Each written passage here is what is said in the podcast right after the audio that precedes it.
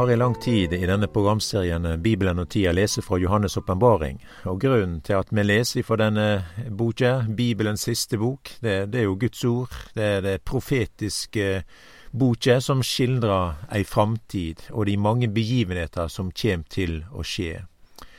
Og Denne boka det er et eh, profetisk mesterverk, det jeg kaller for Bibelens krone.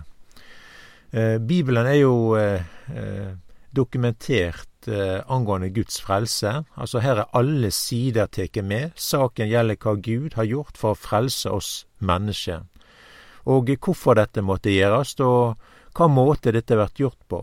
Det er historiske, det er fakta, men det er også framtidige begivenheter vi leser om. Og det står jo her i eh, Johannes' åpenbaring kapittel 1 vers 3 Sel er den som les, og dei som høyrer det profetiske ordet, og tek vare på det som står skrevet der, for tida er nær. Og det ligger en velsignelse med å lese, høyre og ta vare på det profetiske ordet. Johannes' åpenbaring har 404 vers. Og av disse versene her så er det 278 vers som er sitat eller ord henta fra Det gamle testamentet.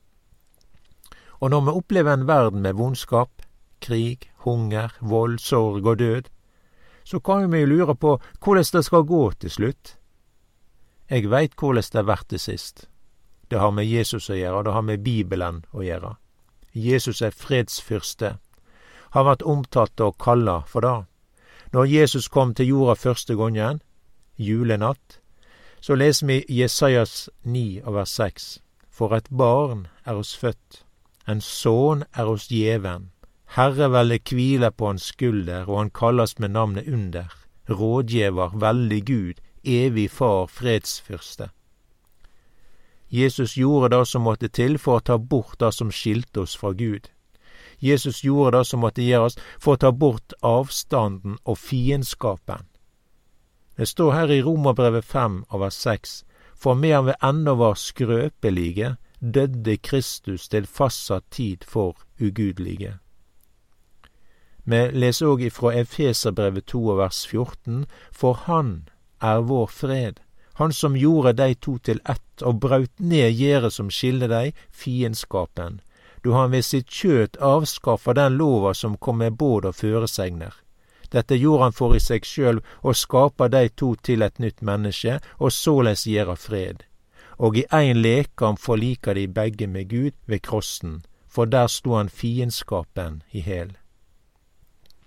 Ved Jesu komme og hans liv og hans gjerning, og den død han gjorde på korset i Jerusalem, så var det å forlike oss mennesker med Gud. Jesus var det som måtte til, og det er nok det som Jesus gjorde. Jesu frelsesverk er tilstrekkelig vi kan eh, lese da at der synden er stor, er nåden enda større. Og det vil si at det er tilstrekkelig med Guds nåde og det Jesus har gjort for oss. Det gjelder i alle livets faser og omstendigheter.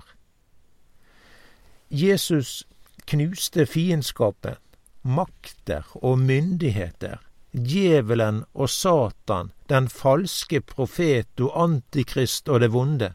Det er ei tapt sak og da å være en etterfølger av djevelen, da er et tapsprosjekt for tid og for evigheten.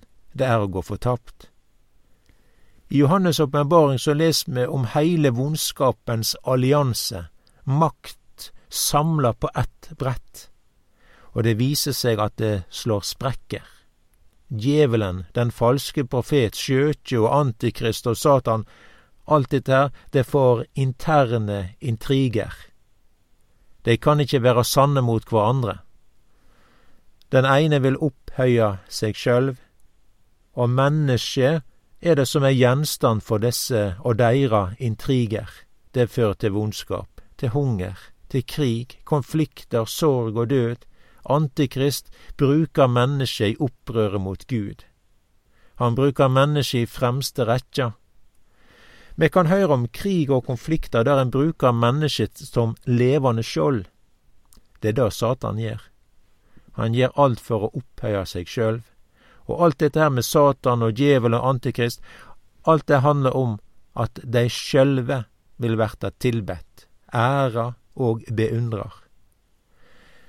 De har et ønske om å kuppe Guds troner og stoppe alle Guds planer. Og for å iverksette dette her, så bruker de mennesket til opprør og til forherdelse og motstand mot Guds frelse og Hans veldige nåde. For djevelen er mennesket ingenting verd. Djevelen sitt menneske i fremste rekkja bare for å skåne seg sjølv og opphøye seg sjølv. Djevelen og Satan bryr seg ikkje med å trakke mennesket ned i søla, bare de sjølv kjem høgast. Djevelen er vond. Og all den allianse mot Gud vi leser om her i Johannes' åpenbaring, da vert avslørt. Dødens brodd er borte, og eh, den vonde med sin allianse, det vil gå mot tap, stor tap, dom og straff. Og eh, det vil verta endringar i denne verden. Og eh, ja, av begivenheter som mennesket og, og verden bare drøymer om.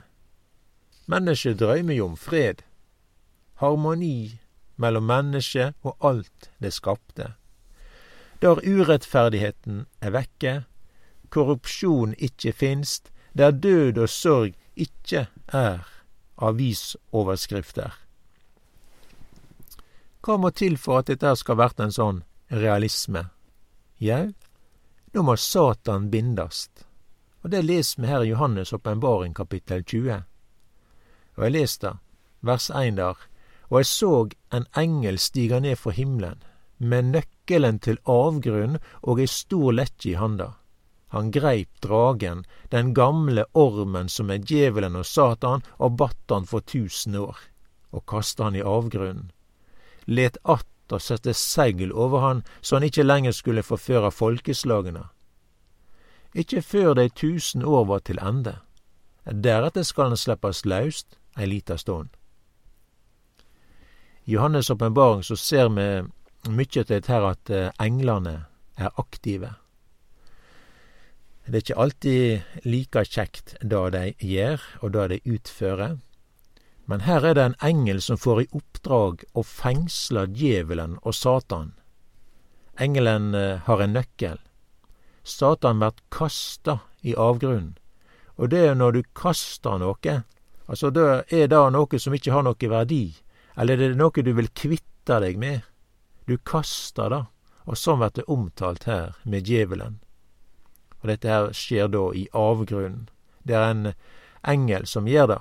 Det er en tjener som vert sett og set den vonde i fengsel, og får oppdraget her, da, og kaster det i fengsel. Og vi leser her at en skal ikke lenger forføre menneske og folkeslag. Og det som her òg har skjedd, og som er omtalt her i Johannes' åpenbaring, det er at denne antikrist, eller dyret som har vært omtalt, og den falske profet, blir kasta levende i eldsjøen som brenn med svovel. Det står i kapittel 19. Jesus Messias er sjølv kommet til jorda, og han setter en stopper for skjøtet og dyret og den falske profet og Satan, er vært kasta i avgrunn og så videre det som i dag er en forførelse av mennesket fra den vonde, og som går ut på at en skal vinne seier med krig og konflikter, den tidsepoke er over. Jesus er konge og regjerer fra Jerusalem av. Det betyr at vi får et styresett over hele verden, og dette skjer fra Israel og Jerusalem. Dette er tider som kjem, og det er tider som vil komme. Læresveinane spurte jo Jesus om disse tingene her, der i apostelgjerningane 1 vers 6. De som nå var kommet saman, spurte han og sa, Herre, er det på den tida du vil atter reise rike for Israel? Og dette riket, det vil få sin start ved Jesu komme, hans gjenkomst til Oljeberget. Han vil på nytt stige inn på verdensarenaen. Og da er det ikke Jesus som noe barn i ei krybbe, men det er mannen med dei naglemerkte hender. Han bærer ikke noe hyrdestav, men det er en kongestav. Jesus sjølv set punktum for Antikrist. Jesus ber en engel ta hånd om djevelen og Satan og låser de inne i avgrunnen. Satan har ikke mer makt enn at, ja, at det kan komme en engel og gjøre dette der. Engelen låner nøkkelknippa hjå Jesus. Men leser at Satan blir satt i fengsel i en lengde på tusen år, og dette er en tidsperiode som eh, har en slik lengde. I Guds auge så er jo da dette her én dag, for vi leser at for Herren er én dag som tusen år, og tusen år som én dag. Og det er her vi har dette navnet tusenårsriket. Og vi kan si det sånn, eh, det har noe med lengden på dette riket. Og dette er ikke noe som er sånn lokalt rike i Midtausten, men det er globalt. Vi leser fra profeten Sakarias 14 vers 9. Da skal Herren verta konge over heile jorda. På den dagen skal Herren være ein, og navnet hans ett. Det vert ei fin tid på jord når Jesus er konge over heile jorda. Det er da fredsfyrsten fra Golgata. Det er fred over heile jorda. Det er harmoni i heile kosmos. Det er ingen dårlige nyhetssendinger på TV eller radio. Det er bare gode nyheter. Det har vært ei tid hvor eh, Guds rike er synlig på jorda. Når Jesus var her på jorda, vandra der i Galilea og var disse turene til Jerusalem, så gjorde Jesus under på den måten at han gjorde mennesket friske. Alt det Jesus gjorde, var godt. Det var til glede og til begeistring. Jesus så mennesket. Enten de satt i et morbærtre eller ved veikanten eller ved tollboden. Han eh, vart eh, positiv overraska han som ikke trodde at det kunne komme noe godt fra Nasaret.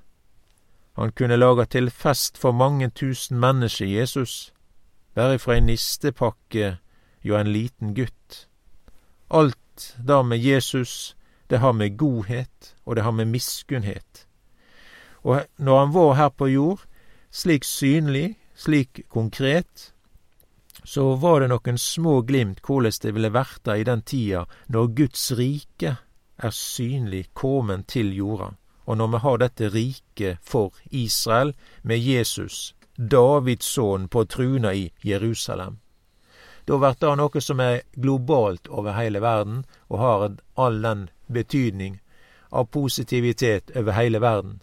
Hele skapningen i dag er i et stort sukk etter at dette skal komme.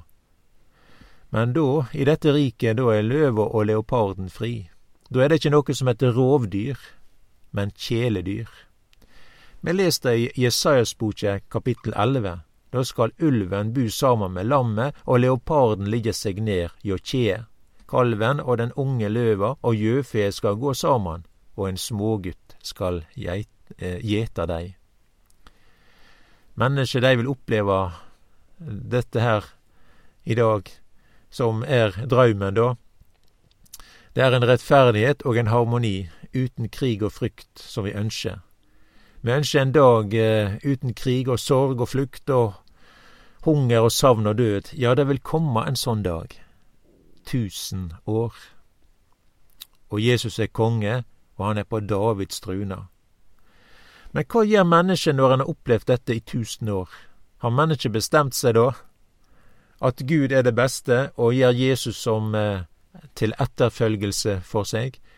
Vi leser i Johannes' åpenbaring at etter disse tusen år skal Satan slippes løst ei kort stund, og han vil forføre mennesket. Sjøl om mennesket har opplevd Guds rike, må alle de goder og velsignelser, lekamleg og timelig, så velger mennesket den vonde. Og da avslører mennesket gjennom heile historien sånn da, at ja, det som det står om mennesket, at en elsker mørket framfor lyset. Mennesket, det må verta født på ny, og det er ei sak som bare Jesus kan gjøre, og det gjør han med alle de som tek imot han som sin frelser.